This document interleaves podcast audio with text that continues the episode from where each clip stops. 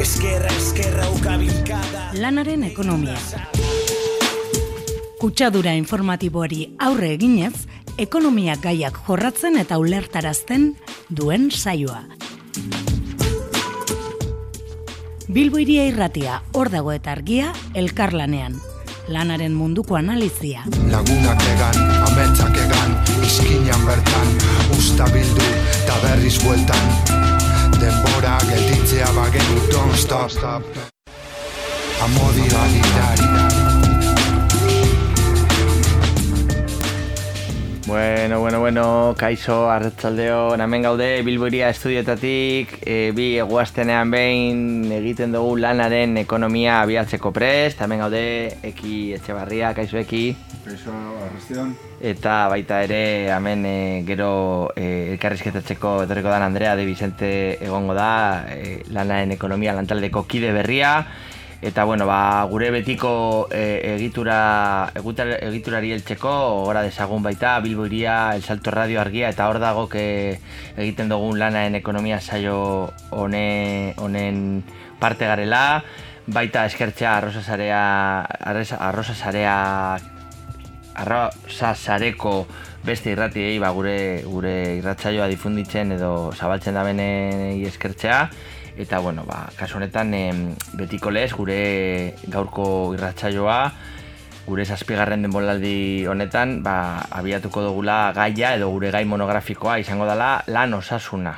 Pasadan astean lan osasunaren em, astea izan da eta bueno, barren ondorioz eh, eskeniko dugu saioa em, e, lanaren osasunaren inguruko ba, osnarketei horretarako alde batean e, dugu Enea Izpizua, e, bera enpresa zuzenbidearen irakasle eta ikertzailea da lan harreman fakultadean, eta bueno, lanaren osasunaren inguruko ba, legedia eta gaur eguneko erronkak e, aztertuko dugu e, Eneagaz. Ostean Imanol Ulasia izango dugu, bera e, lan eta erakunde psikologoa da, e, Euskal Herriko Unibertsitateko Psikologia Fakultatean, eta bueno, ba, ekintza sindikalaren ondorioak aztertzeko, eta bueno, ba, Elako Robles Arangiz Fundazioko elkarlan baten ondoriozko, ba, zenbait hausnarketa plazaratzeko gonbidatu dugu gure saiora.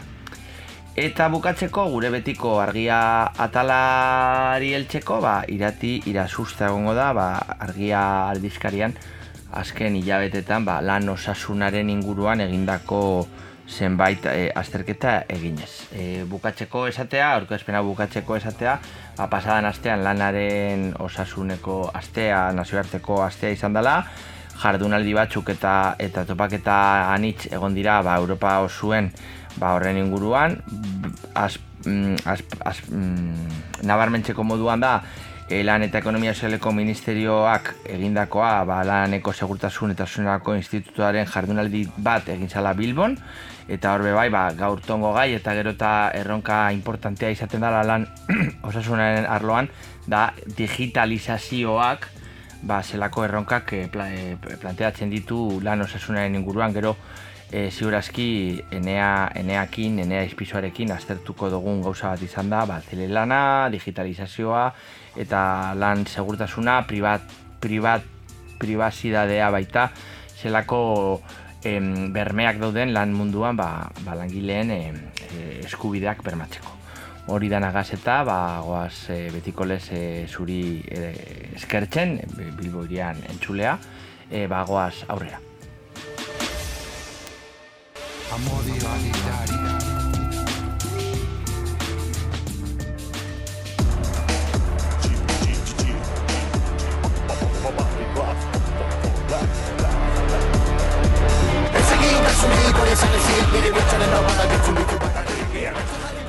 Batira, urrengo egunetako sindikal agendarekin hasteko gaur azaroak sortzi dituela, e, korreoseko garbitzaileak, irurogeita mabi garren egune, e, irurogeita mabi egun daramatzate, greba mugagabean, ba bost hilabete daramatzetelako soldata jaso barik.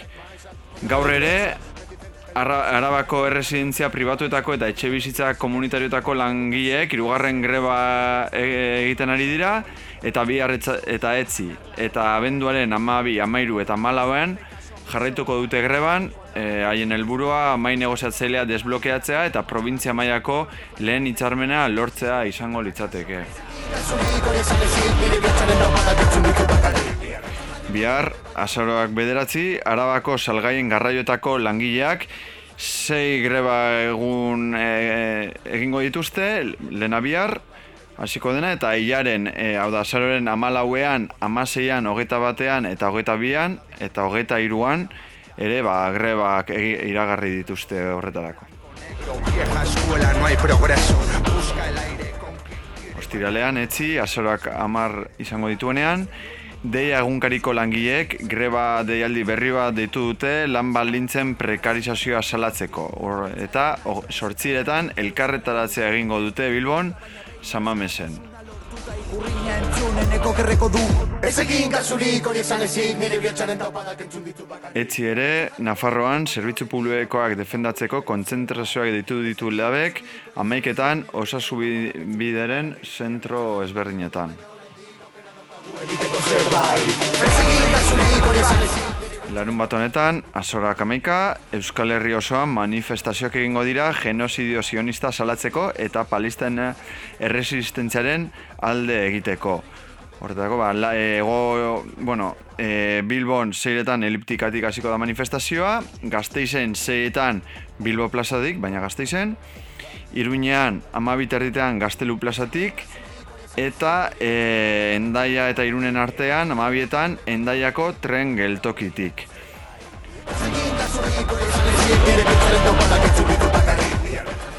Larun batean e, berriro ere, EAEko osasungintzako langileek manifestazioak deitu dituzte osasungintza publikoa defendatzeren alde.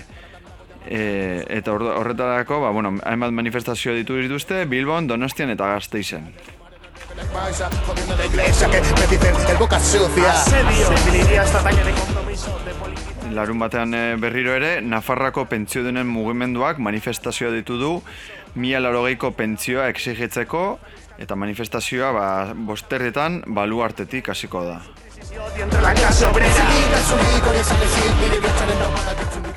E, azaren amaseian, urrengo asteko ostegunean, Bilbobuseko langileak lanuzte partziali berrekingo diete. E, horrez gain, ba, azaren hogeita bian, hogeita zazpian eta hogeita bederatzean, ere lanuzte partzialak egingo dituzte, eta baita abendoren lauean eta mabian. Azkenik, abendoren hogeita batean, hau da, Santo Tomas egunean, egun osoko greba burutuko dute, hitzarmenaren negoziazioaren eh, negoziazioan aurrepasurik eh, ematen ez bada. Bukatzeko, e, azoren hogeita marrean, gogora dezagun, greba feminista orokorra dagoela dituta, zaintza eskubide kolektiboren alde, Horren arira, ba, greba batzordeak herrietan e, antolatzeko deialdiak egiten ari dira, beraz, adiegon zuen herri edo auzoko deialdietara. Eta, bueno, ja dakigu, sindikatueke ja e, publiko egin dutelako, e, greba egunean, e, hainbat mobilizazio egongo direla Ego Euskal Herriko lau hiriburuetan, Gasteizen zeiretan izango da manifestazioa San Anton plazatik, Iruñean zeiretan Antonutxitik, Donostian zeiretan Antiguoko tuneletik eta Bilbon bosterrietan Jesusen bihotzetik.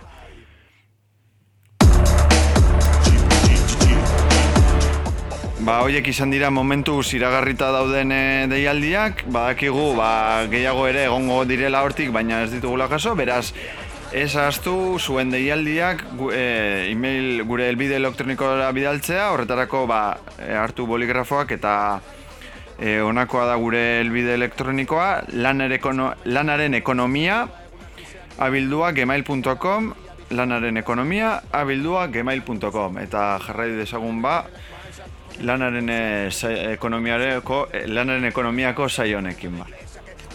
Boca sucia Asedio. Definiría esta talla de compromiso de politizar este inciso, de sacar la verdad a la calle y de protestar cuando la masa hace caso omiso.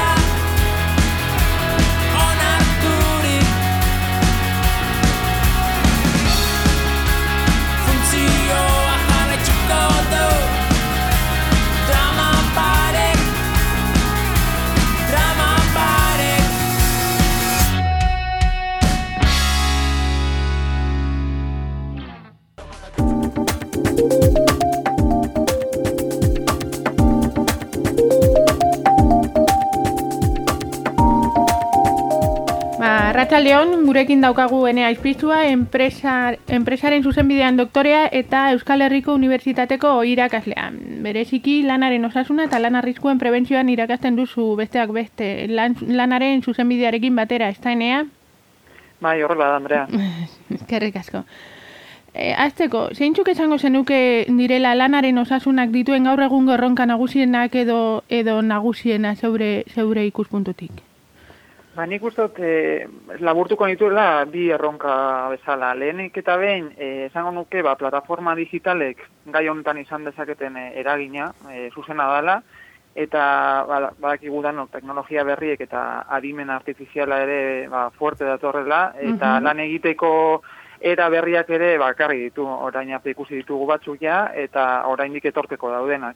Eta egoera hoien aurrean, ba, laneko segurtasun eta osasunak ba, egokitu beharko du. Ikusi genuen adibidez, telelanaren kasuaren e, COVID-19aren e, konfinamenduak zerrekarri zuen, denok trenera joan behar izan ginen edo gehienok, eta horrek ba, eragin zuzena e, izan zuen baita ere prebentzio neurriak esartzerak orduan.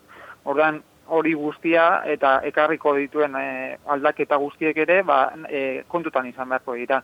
Eta bigarren erronka, ba, batez ere nabarmenduko nuke dela, ba, gero eta pertsona nagusiagoak e, jarraitzen dutela lan merkatuan, biziraupen tasak alde batetik oso altuak e, direlako, e, edo a, e, igotzen doazelako, eta gainera erretiru pentsioa ere geroz eta altuago dago. Orduan, e, adin nagusiagoa duten pertsona horiek e, lan merkatuan egonik, prebentzio neurri desberdinak e, jarri beharko dute martzan enpresek, ez da lako berdina mm, pertsona gazte bat egotea enpresan lanean, edo e, adin nagusiagoa daukaten pertsonek bere, e, bere zitasunak dauzkatelako. Orduan, enpresak ere ba, kontuan hartu beharreko gaia izan beharko litzateke. Orduan, bi erronka horiek esango nituzke, ba, diela e, kontuan hartu beharrekoak.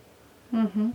Mhm, interesantea. E, Enea, eta zeintzuk, zeintzuk izan dira arloan eman diren aurrera pausuak e, juridikoki, dik- dinot ikuspuntu legal batetik, ez dakite e, bereziki pues, erronka hauei loturik e, aurrera pausurik eman den, edo beste motatako aurrera pausurik eman eman baldin bada, eh? agian ez da aurrera pausurik eman, eta etxera goaz, ez dakit.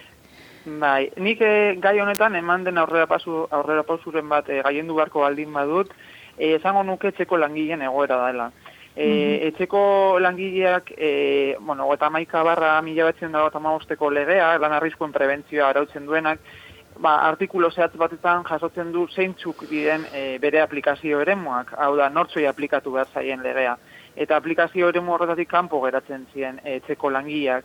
Baina, egia da, 2008 bigarren urtean, iraiaren zeian, e, zehazki errege dekretu bat e, onartu zuen legegileak, eta hori oso garrantzitsua da, batez ere kolektibo honentzat, honentzat ba, e, atal hori, e, justo, e, ez, e, salbuetzita usten zuen atal horrek, ba, e, indargabetu egiten du errege dekretu honek, orduan, beraz, e, oraindi- oraindik garatzeko dagoen zerbait dago, zerbaitik, bueno, ba, parrafo txiki bat baino ez dilako sartzen, esanez, nola etxeko langilei ere aplikatuko zaiela e, e, lan arriskuen prebentzioaren legea. Baina, errege dekretu bidez edo reglamendu bidez garatu beharko duela legegiak. Orduan, orain momentua, ba, momentu kaskarra da, horretarako, gobernurik gabe gaudelako, baina, bueno, ikusi beharko dugu etorkizunean zer gertatzen den kolektibo horrekin. Orduan nik uste dut hori izango litzateke aurrera pausu ba, garrantzitsuena, batez ere eurek ere hainbat alditaz alditan eh, erreklamatu dutelako. Mhm. Ze, ze oinarrira, oinarrira jose enea pizkate. Zeintzuk dira gaia zuzentzen duten oinarrizko legeak eta eta haien helburua edo eduki orokorra lanaren eh, osasun eta prebentzioaren arloan dinen. Bueno, ba, nagusiena, nik esango nuke hasiera batetan hasi ginela Europar mailan e, sartu zenean Espainia, ba, e, zuzentarau garrantzitsu bat dago e, Europar mailan e, lan arriskuen prebentzioa arautzen duena, e, mila behatzen da eta behatzigarren urtean e, onartu zena, eta, claro, bi, mila behatzen da hogeita garren urtera arte, ez zuen e, moldatu e, zuzentara hori ba, bere arau dira Espainiak. E, Ogeta maika mila betzen da eta garren legea onartu zuen orduan, bai, e, lehen esan dakoa, eta bi arau, e, bien e, helburu nagusia zein izango litzateke, bueno, ba, lan arriskuen prebentzioa arautu eta promozionatzea baita ere. E, zertarako, ba, lan arrisku gutxiago goteko edo behintzat saiesteko asmo horrekin. Gero Espainiar mailan badago baita ere, ba, e, lege hori garatzen duten hainbat erregelamendu, bat da garrantzitsuena hogeita meretzi barra mila betzien zazpi, baina hainbat eta hainbat erregelamendu mota daude. Sektore eta arrisku moten arabera ere badaude e, araututa. Orduan, ikusten den bezala, arau hauek nahiko zaharrak dira, e, orain arte esandakoak, baina askotan ba egoera berritara ez, ez dira moldatu edo enpresei usten zaie bide hori, bai e, hitzarmen kolektiboen bidez edo e, beraien e, e, prebentzio planekin, ba, e, moldatu alizateko arau hoiek. Arau hoiek egia esan oso orokorrak dira edo abstraktuak, eta orduan, ba, bueno, moldagarriak izan daitezke gero enpresa, enpresa arlotik. Eta, bueno, horrek izango ziren batez ere, e, ba, importanteenak, oie, bi, bi, bi oiek, e, zuzentaraua Europar mailan eta gero Espainiar mailan ba, e, lehen esandako legea. Mhm, mhm. Ze arauet, e, araua saratago, ez? E, paiteki eta daukate, e, bueno, izan ere makilla askotan eo gehienetan, ez? Orduan, sententzia dobazpen juridiko berezirik bota du epaitegiren batek azken aldi hontan igual e, izendatzea merezi duena edo? Bitu, ba, lehen justo, e, a- aipatutako e, gaiari lotuta, telelanari e, batez ere e, aipamena egiten badiogu, e, hemen esan behar dana da, e, telelanean, ba, lan arriskuen gaiak gatazka gehien ekarri dituen gaia dela. Adibidez, 2008 bigarren urtean, martzoaren hogeta bian e, zuzen, e, era, e, era zuzenean, Audientzia Nazionalak deusesa deklaratu zuen, telelanari buruzko akordio baten klausura zehatz bat. Klausula horrek egiten zuena da, edo jasotzen zuena da, langileak, ba, nosbeinka, beretzean sartzeko baimena ematen diola, ba, lan arriskuen prebentzioko enpresa zerbitzuari, beretzeko, ba, bulego hori ebaluatu Mhm. alizateko, zazpieguneko aurrerapeneko abizuarekin. Epaitegiek zer dio honi buruz, ba, bueno, ez datorrela legarekin bat, arrazoi justifikatu bat egon behar delako e, medio, langilearen etxea sartu alizateko, eta aurretiaz idatziz, idatziz jakinarazi beharko zaiola. Gainera, e, aipatzen duena da baita ere, langileak ez duela zertan onartu behar, e, e, ba, baimen hori e, ematea. Orduan, kasu horietan, ba, e, berak ematen duen informazioarekin egingo litzateke evaluazioa, lan arriskoen evaluazioa. Orduan, ikusten den bezala, gai delikatu bat da, telelana eta lan arriskoen evaluazioarena, azken finean intimitate eskubidea dagoelako tartean ere, eta hemen batalka egiten dute bi oinarrizko eskubide, batetik e, intimitate eskubidea daukagulako eta bestetik osasunaren babesa, Mhm. eh, e, babesa izateko eskubide hori. Mhm. Orduan, e, hori, hori izango litzateke batez ere, azken e, lehen, lehengo e, erronka horietara e, murgiluta, ba, ze gatazka sortu izan diren, eta azkenetako bat, ba, hau izan da. Ta, nagoeneko egoerari begira eta enpresen jarrera lan eta osasunaren arloan, irakasle modun zein da gehien kezkatzen zaituen gaia edo zein da mesua asina- asinatura irakasterakoan, eh? Zeri ematen diozu bere biziko garrantzia ikaslei begira? Bai, ba, zerbait eh, nabarmendu beharko banu, beti esaten diet nire ikaslei. Naiz eta legedia nahiko zaharra izan, eta lehen esan dudan bezala, prebentzio arloan nahiko zaharkituta dago, kontuan izan behar dutela e, oso zabala eta abstraktua dela, eta aldaketen aurrean ba, moldagarriak igual izan daitezkela horregaitik, bai? E, gainera, e, baita ere nabarmentzen diet oso kontuen izan behar dutela, arrisku mota desberdinak ateratzen direla, denbora pasaz, eta teknologia berrei batez ere e, ba, mm, implantazio horrekin, zenbat eta arrisku gehiago e, ikusten ari dira, eta hoiei aurre egiteko, ba, enpresen lana garrantzitsua izango dela. E, horrez gain, e, arauketari dagokionez, ba, lehen esan dizuedan oinarrizko legea e, garatzen duten hainbat erregelamendu daudenez, e, bai sektoreka, bai arrisku moten arabera, ba, hori ere kontutan izan beharko dutela batez ere lan arriskun prebentzio orloan lan egiten baldin badute. Ez da berdina industria enpresa batetan e, lan egitea edo zerbitzuetako enpresa batetan. Orduan hori ere kontutan izan beharko dute, ba, e, nosbait, e, evaluazio, e, prebentzio evaluazio bat egin behar baldin badute, jakiteko ze araudi aplikatu. Eta, bueno, gutxi gora bera hor- horri ematen diet nik e, ikusteko panorama hori zindan eta ze izan behar duten e, kontutan. Mhm. Esango zenuke e, mesua jasotzen dutela enea. Bai, nik uste dut bai ez, e, ze askotan, claro, ikusten dute araudi asko dagoela, e, baina nik argi izaten dira, bueno, ba, dena ezingo dugu begiratu eta irakasgaian ezingo dugu dena ikusi, Claro, baina claro. jakin dezazuen zeintzuk diren baliabideak eta nora juga Claro. zuareten begiratzeko hori, ba, nosbait, zuen sektore horretan e, ba, egiten badu zuen lan. Claro, claro. Vale, ba oso interesgarria, eskerrik asko enea, mila esker gurekin egoteagatik. Zuei, vale, eskerrik asko, venga, Agur,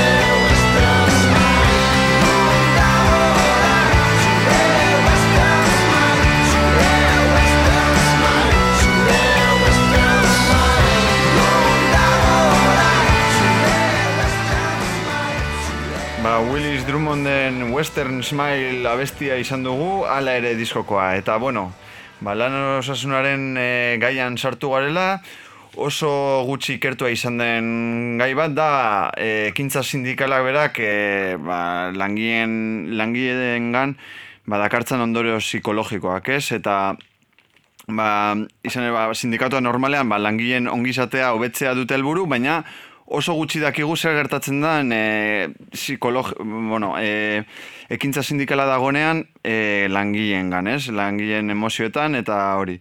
Orduan, horren inguruan eh, argitzeko, e, eta oso gutxi entzun dugunez gaiaz, ba, hemen dugu Imanol Ulazia horren inguruko e, argipen batzuk emateko, e, EHUko Psikologia Fakultetako irakaslea da bera. Kaixo, Imanol? Baixo, arratzaldeon. Arratzaldeon. E, Baita, ba, azteko, alba duzu, e, hasi saltzen, ba, zergatik den beharrezkoa sindikalismoa eta psikologia batzea. Eta segaitik arduratu beharko litzateken sindikatu bat, ba, psikologia gaietaz. bueno, nik esango, eh, psikologia baino esango nuke lanaren eta erakundeen arloko psikologia, eh? Dala Ados. psikologiaren disiplina bat. Eh, eta bueno, nik uste te zergatia nahiko nabarmena dala, azkenian eh, esan zuen bezala sindikatuak eh, ba, ba, historikoki helburu nagusitzen langilegoaren eh, ongizatea eukidu, ez? Hor, eh, hor helburu handi bezala. Eta bueno, langilegoaren eh, lan baldintzak hobetu, eta ez hori bakarrik, ze azkenean lan baldintzak hobetzea, ba, ba onura psikologiko batzuk ere badakartza berekin, ez? Eta ba, beste alde erakundeetaran eren psikologiaren oinarrizko helburua edo helburu potoloena da, alde batetik lagundu erakundei beren eh, helburuak eh, lortzen, baina neurri berean eh, ere sustatu langileen eh, ongizatea. Orduan, eh, nahiko, nahiko argi ikustea, eh, ba, ba berez biak daukatela helburu berdina, naiz eta historikoki estian, estian batera, batera ibili, azkenean hortxe da, o, bia daukate helburu nagusi bezala, ba, ba langilegoaren eh, ongizatea. Eta, eta badakigu, ba, indar, indarrak batzen dianean, ba, helburuak lortzea erraixo izatea, la, orduan, uste, eh, naiz eta his- historikoki bai urrunketa nabarmena egon dala, ba, ba komeni dala bilak bilak bateratzen, eta pixkanaka badare. Vale, eta orduan, apurat, azaldu alba diguzu, psikologikoki e, nola bizi du langile batek ekintza sindikala edo zehatzago izateko greba bat? E, ze ondorio dakartza orduan e, gutxi gora bera? Bueno, eh, hasieran ere esan desun bezala, ikerketa gutxi da, gure ikerketa talde txiki bat geha, guen dela urte gutxi batzuk hasita, baina bai da egia, hemen, eh, Euskal Herritik kanpo eta estatutik kanpo egin diala ikerketa batzuk, ba hori, e, nabarmentzen dutena, ba, ekintza, e, bueno, ba, ekintza sindikalak bera eta afiliatuak egoteak, ba, ba, onura psikologiko batzuk badakartzala berekin, ez? Naiz eta mediotan eta era, e, komunikabideetan ez zaien olako propagandarik, propagandarik, propagandarik egiten barkatu, baina, baina bai, ba, esaterako onurak izan daitezke autoestima, autonomia, e, ahalduntzea, e, garapen pertsonala, laneko klima ze, e, psikologiko seguru, seguruago baldortzea, e, harreman pertsonalen hobetzea lankiden artean, ere bai, Bueno, hor badaude ikerketa batzu, ba hori hori adierazten dutena, ez? E, bai da, egia da, ba, hori normalian eta gizarteari begira ba, ez dia, ez dia oso ikusgai izan, ez? Aldagai horiek eta onura hauek, baina baina badaude ikerketak hori hori adierazten dutenak. Vale, Eta gero, ba, gero, gero greben, greben asuntuet, asuntuarekin eta, ba, bueno, hor badago hemen gure saian Xabi Mingez irakaslea justu gai hori lantzen ari dena, baina, bueno, bera, bera da aditua asunto hauetan, baina, baina uste nada, nadala, eh? batek bere eskubideak defendatzeko baliabideak ditunean, ba, ba bere egoera psikologikoa ere, ba, ba hobetzen dela deduzitzea nahiko logikoa da. Orduan, Bai, eta, bueno, orain dela urte batzuk, El Saldon agertu zen e, artikulu bat, e, izenburua zen, ez duzu psikologirik, zuk behar duzuna ez da psikologo bat, baizik eta sindikatu bat. Orduan, zer dino e, erakunden eta lanaren e, psikologo batek esaldi horretaz? Horrela da, edo... Bueno, ez dakit, ba, nik ez nuen irakurri hori, baina ibai, ere bai esangoa segun zeinek zein egiten dion e, galdera hori, ez? Horren arabera ere izango nitzake erantzuna, baina baina, ba, bueno, nik uste eh, batak ez dula kentzen, bestea. Askotan, iruditzen zaitenan egi da, hemen, em, ba, bueno, normalean jendeari psikologia zitu egiten diozunean, pentsatzen duena da psikologo kliniko bat, ez? Hortxe terapia egiten da, pixkate gizartean dagoen irudikapen soziala hori da, baina baina nik uste te, beste beste hainbat gauz egin daitezkela eta eta bueno, horiek ere jakitera ban berriala eta eta bueno, azkenean lan eta erakundeen psikologia egiten duena da ba, ba o, o dana egiten da e, ekintza batzuk e, ongizatea hobetu eta e, doixe, baldintza psikologikoak hobetzeko. Eta baldintza psikologikoak e, lanian e, hobetzen dikuazten neurrian, ba, psikologo klinikoen beharra ere txikiagoa izangoa, ez? Orduan, iruditzen zait batak ez duela kentzen bestea, eta iruditzen zait ere bai e, lan eta erakundeen psikologia sindikatuetara urbiltzen dijoan neurrian, e, psikologia klinikoa jendeak ulertzen duen modura, ba, gero eta e, etzela, etze- etzela indarrezkoa izango, ez? Azkenean, lan eta erakunde psikologia proaktiboki jokatzen du, ez? E, baldintza onak daudenean, egoera psikologikoa ere ona izaten da, eta orduan, ba, psikologo beharrik, ba, ba, ba ez dago, ez? Edo gutxitu egiten da. Eta esaten detenean, en, oixe, azkenean, e, gure, gure esparrutik hainbat ekintza bideratu daitezke, ez? Ez oso ezaguna, baina maila estrategikoan, kultura mailan, eh herrikuntza mailan, eh estresaren kudeaketa mailan, emozioen kudeaketan, hainbat gauza egin daitezke jendea ondo ondo egon egon da bien edo hobeto egon da bien eta eta bueno, horrek onura onura handiak eh ekarriko lituzke, ez? Orduan psik- psikologo bat ez dezuea sindikatu bat, bueno, nik uste biak gaudela ondo eta eta Bai. pixkanaka e, juten bagea urbiltzen eta eta eskua ematen, ba, ba nik uste e, elkarrekin hobeto jongo ala asuntua. Bai, bai. Vale, eta E, gai honetaz, e, sindikatuek e, zer zer egiten ari dira, edo gaia, gai hau seriotasunez hartzen ari dira, edo zer uste duzu horren inguruan? Bai, gu hori esan bezala, talde txiki bat geha, eta guen dela urte gutxi batzuk hasi ginen, baina egia zain, em, hori nola horrez oso ikerketa gutxi zeon, ba, atejo kasi ginean oso harrera hona uki genuen, eh, sindikatuen parte, zointzat lau sindikatu handien partetik. El alab, e, UGT eta komisiones obreras. Orduan jun ginean e, gure proposamenarekin eta eta harrera oso ona izan zen. Hau, kontatzen deten hau, ba, igual goin dela iru bat, ez dola. Eta ikerketa eder bat egin gendun, ba, laginon batekin, da, da gure helburua lortu genitun, e, ikerketa hori ere e, argitaratuta dago, eta nahi duenaren eskuragarri. Eta hortaz, huixe, ba, ba, bai, ba, harrera oso ona izan zen, da, azkenean segituan ikusten da, e, ba, huixe, ba, sindikatuen helburuen lorpenari begira, erakunde talanen psikologiak ekartzen garrantzitsuak egin ditazkela, ez?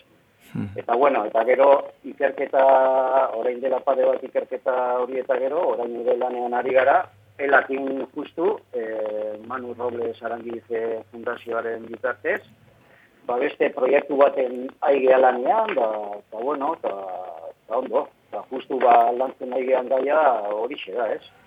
Ea, ba, em, ekintza sindikalak ba ote dauzkan eragin positiboak, em, ba lehen aipatutako aldagai psikologiko horietan, ez? Autonomia, konfidantza, e, autogarapena, eta eta halakoak. Ostaz, bai, e, egia esan, e, e, naiz eta aipatu eten bezala, historikoki oso, oso harreman gutxi eukideun, psikolo, erakundeen psikologiak eta sindikatuek, hainbat arrazo itarteko, ba, herra oso ona izan da, eta, eta bueno, nik ikusten dut bidea lutxea jaula egite, egiteko, baina, baina sindikatuen partetikan ez daukagu, inongo, inongo kejaik. Eta or, orduan, ez dakit, eh? baina aurre ikusi daiteke sindikatuetan adibidez, ba, zerbitzu juridiko ez gain, zerbitzu psikologikoak eh, eskaintzen astea hemendik aurrera, edo... Bo, hori uste, e, e, bueno, ikertu egunen arabera UGTen Madrilen egintzen olako saiakera bat, eta, Ah, bai. baina ez da, bai, bai, baina ez da inbeste asesoria psikologiko bat egitea, ze, iruditzen Ja. zain nahi behintzat, eh? ez dira esango dezu, eh? Ze hori, hori gehiago, gehiago aldotzen da, egin desun galdera behar ikustet, psikologia klinikoarekin lotuta, ez? Ba, ba, ba, akidu, ba, ba, sindikatutako langileak ere, ba, estresa eh, maila horiak paira- pairatzen dituztela, eta negoziazioak, eta egoera ba, gogorrak eh, ba, jasan dituzte, eta baina, bueno, nik gure gure helburua da gehiago biltzea ez hainbeste hasieran aipatu bezala e, ikuspegi kliniko hori ondo Ah, egongo litzatela ere bai, baizik eta e, erakunde eta lanaren e, psikolo, psikologo batek egiten dituen funtzio horiek e, e, aplikatzea, ez? E, justu lehen aipatutako e, helburu nagusi hortako, e, langile, e, sortu lan kontestu bat egokiagoa eta sanoagoa langilegoak hobeto egon daitezen. Eta bueno, hor, eh, hainbat ekintza bidatu daitezke, normalean horietako asko, asko enpresa juntetan bideratzen dira eta eramaten dira aurrera eta, eta patronaletan eta hainbat tokitan, baina historikoki, esan bezala hainbat arrazo itarteko, ba ez dira aplikatu eta eta pena da. E, orduan, eh, pues, pues horixe, nik bai, bai uste, eta gure helburua epen luzera horixe izango litzake, ez? E, gu pixkanaka ekintzak egiten jun, eta frogatu ba, baliogarria dela gure lana sindikatuen helburuen lorpenari begira. Eta, eta bueno, ekintza txiki horien bitartez pixkanaka e, helburua izango litzake, ba, estrukturalki ere erakunde eta lanen psikologoaren perfila sindikatuetan e, ba, hori, e, ba, toki bat egitea, ez? Zer gaur egun, e, bueno, badakigu lan eta erakunde psikologorik ez dagoela, ez? Ez erakunde sindikaletan, ez da ere beste hainbat e, erakundetan, ze, ixe, historikoki enpresa industrial eta komertzialei lotu zaie, eta Orduan, eh, bai, bai, gure, gure asmoa eta gure helburua epe luzera hori izango litzake strukturalki, eh, ez asesoria psikolo, psikologiko bat eh, barneratzea sindikatuetan, sindikatuen egituran, baizik eta lan eta erakunde psikologian adituaren psikologo bat e, sindikatuetan e, ba, bai, e, barneratzea. Bai. E, bai, hori. Mhm. Bai, ez da lan berdina guztiz, ez? Osea, be- ikuspegiak ezberdinak dira, ezta?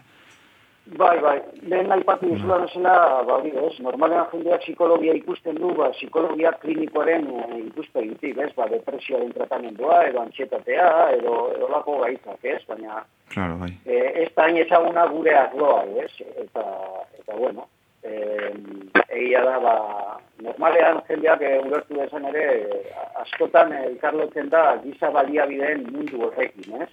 Psikologia giza baliabideen mundu hortan, ez?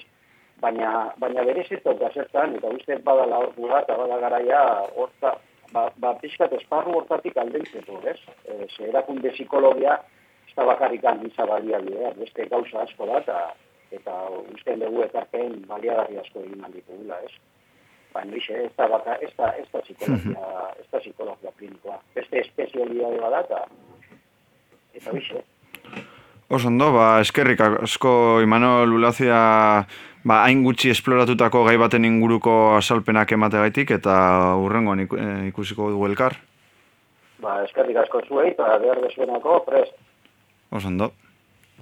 Bale, ba,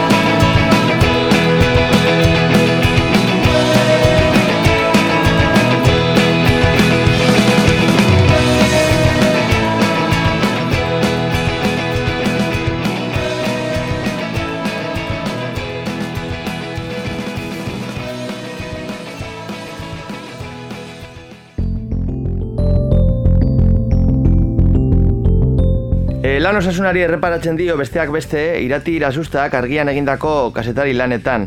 Horietako batzu komentatzeko deko gaur bilboirian, e, atxaldeon irati. Bai, Arratxaldeon.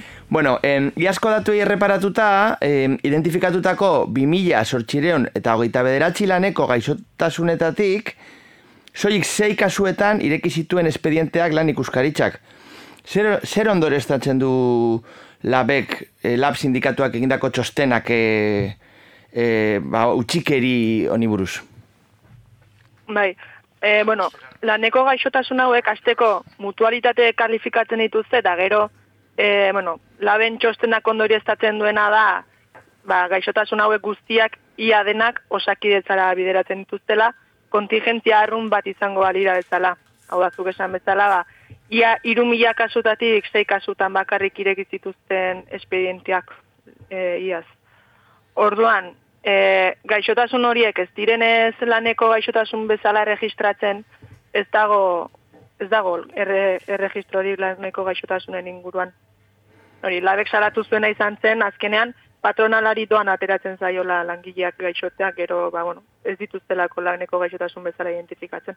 Eta ez dakit txostenean bertan e, zeo zer e, gehitzen bada edo diagnosi hortik abiatuta zeo zer e, ondorioztatzen bada edo proposatzen badan? E, Oraintxe ez dakit, olaz, ez dut gogoan egia esan. Bueno, edo zeinean em, iazko datu hauei erreparatuz, ez? Irurogeita bederatzi langile hil dira lanean, ez? Beste zukeindako beste pieza batean ikusten dugu, eta, bueno, bai lanean, bai lanerako joan etorrian, eta, bueno, ondori estatu duguna da, bada lanak e, hiltzen jarraitzen duela, ez?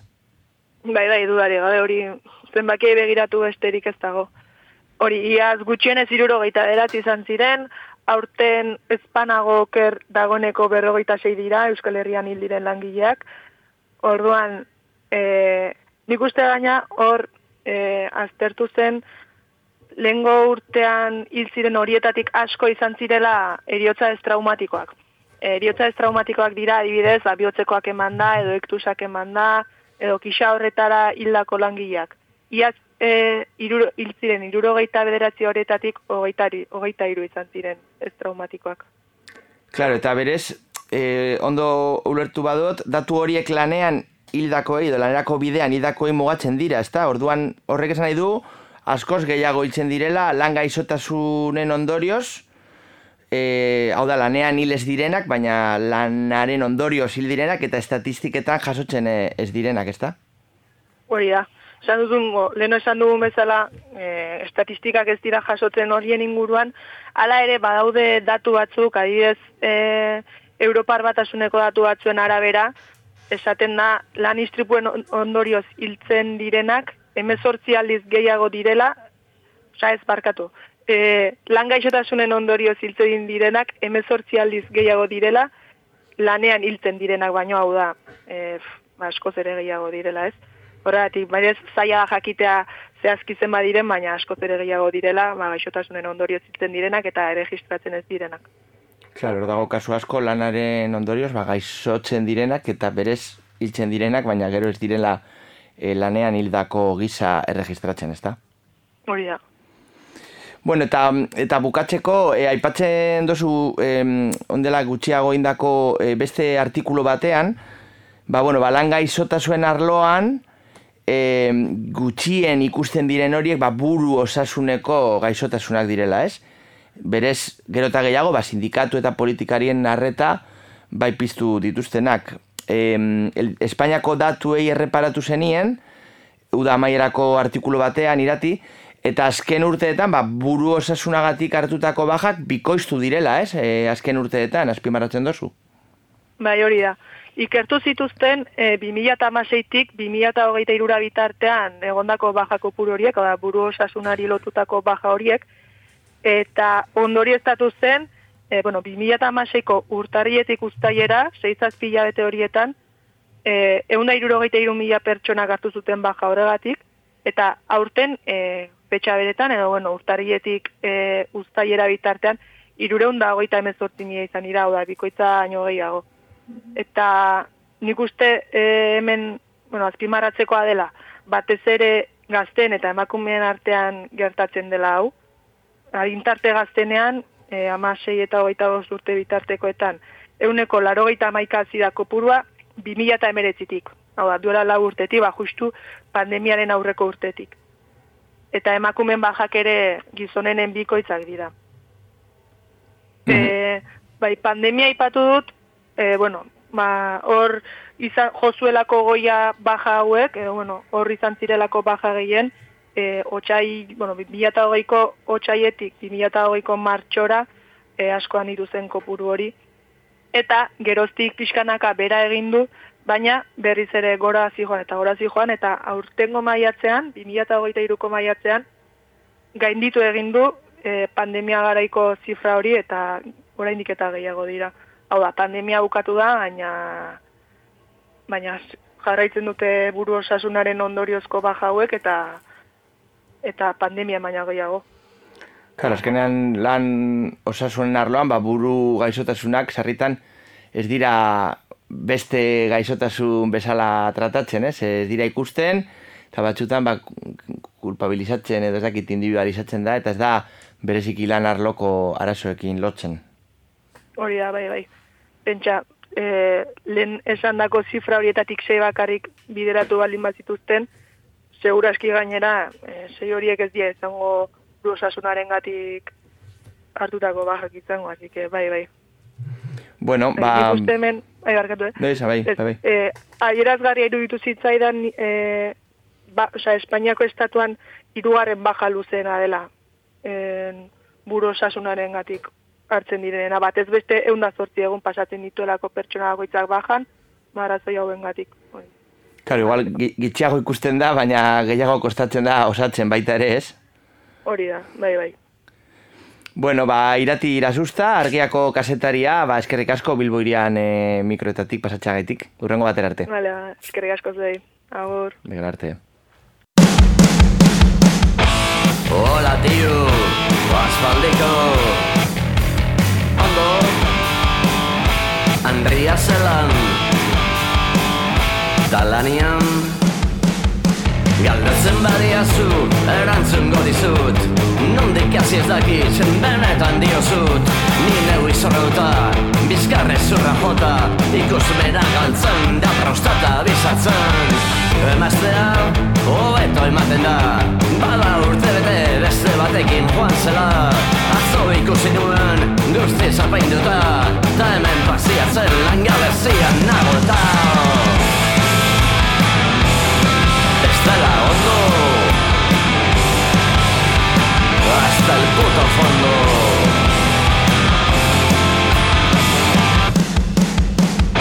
Por cierto Bueno, bueno, bueno, eta lan bukatzen dugu gure gaurko lanaren ekonomia saioan hemen Bilbo iria estudiotik, e, bueno, gaur, e, batzutan e, gai aktualitatezko gaiak hartzen dugu, eta gaur hartu dugu ba, pasadan astean lan osasunen astea dela eta, eta bueno, ba, gure lanaren munduko analisia langileen ikuspegetik aztertzeko ezinbestekoa da osasun kontuei erreparatzea, Horretarako eukin dugu gaur EHUko irakasle bi, alde batetik enea izpizua, enpresa zuzenbideko irakasle eta ikertzailea, lan osasunaren inguruko erronkak eta legediaren goraberak, eta baita ere Imanol Ulasia, psikologia, lan eta erakunde psikologiako irakaslea, psikologia fakultatean donostin, eta berak ba- baita ere ba, ekintza sindikala, ekintza sindikalaren ondorioak, eta bueno, amaiena zean aldarrikatu dau, sindikatuetan be bai, enpresetan bezala ba, psikologoak behar direla, ez bakarrik arreta psikologikoa emoteko, baizik eta ikuspegi psikologikoa emoteko eh, langileen antolakuntza eta borroka prozesuei. Bukatzeko gure betiko argia atalean iratira suste izan dugu, ba, lan osasunaren inguruko Euskal Herriko datu batzuk eh, aztertzeko eta bereziki zelan lan gaizotasun gehienak ez direla pasatzen lan ikuskaritzatik eta gehienak osakidetzatik edo osasun bideatik bideratzen direla eta bueno ba kasu honetan em, ez direla langile mugimenduko edo langile arazo moduan ulertzen ez? Baizik eta lan arazo individualak eta bueno, gero eta gehiago buru osasun gaixotasunak badirela gero eta ohikoagoak eta baita ere ba, baja luzeen e, eragiten dituztenak. Horrei guztiekaz, gure gaurko monografikoa hori eskaini eta gero, ba, e, betiko ere e, gogoratzea, lanaren ekonomia, egiten dugun Bilbo iria, El Salto Radio Argia eta hor dago e, aldizkarien arteko elkarrena dela, eskertzea ba, alabedi bezalako eta arrozesareko enbeste irratien, irratiei ba, gure saioa errepikatzea gaitzik eta zabaltzea gaitzik, eskertzen da benetan e, tokian tokiko irratietan ba, baita gure e, lanaren munduko magazin hau e, zabaltzea.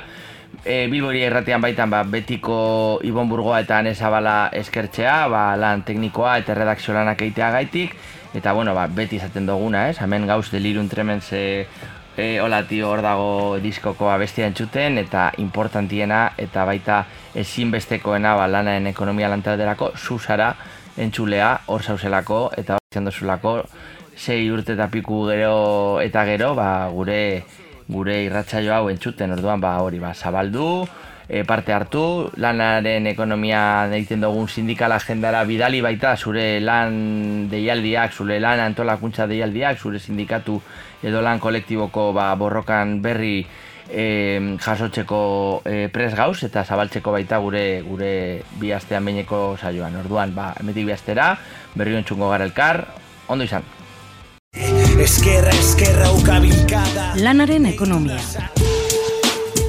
Kutsadura informatiboari aurre eginez, ekonomia gaiak jorratzen eta ulertarazten duen saioa.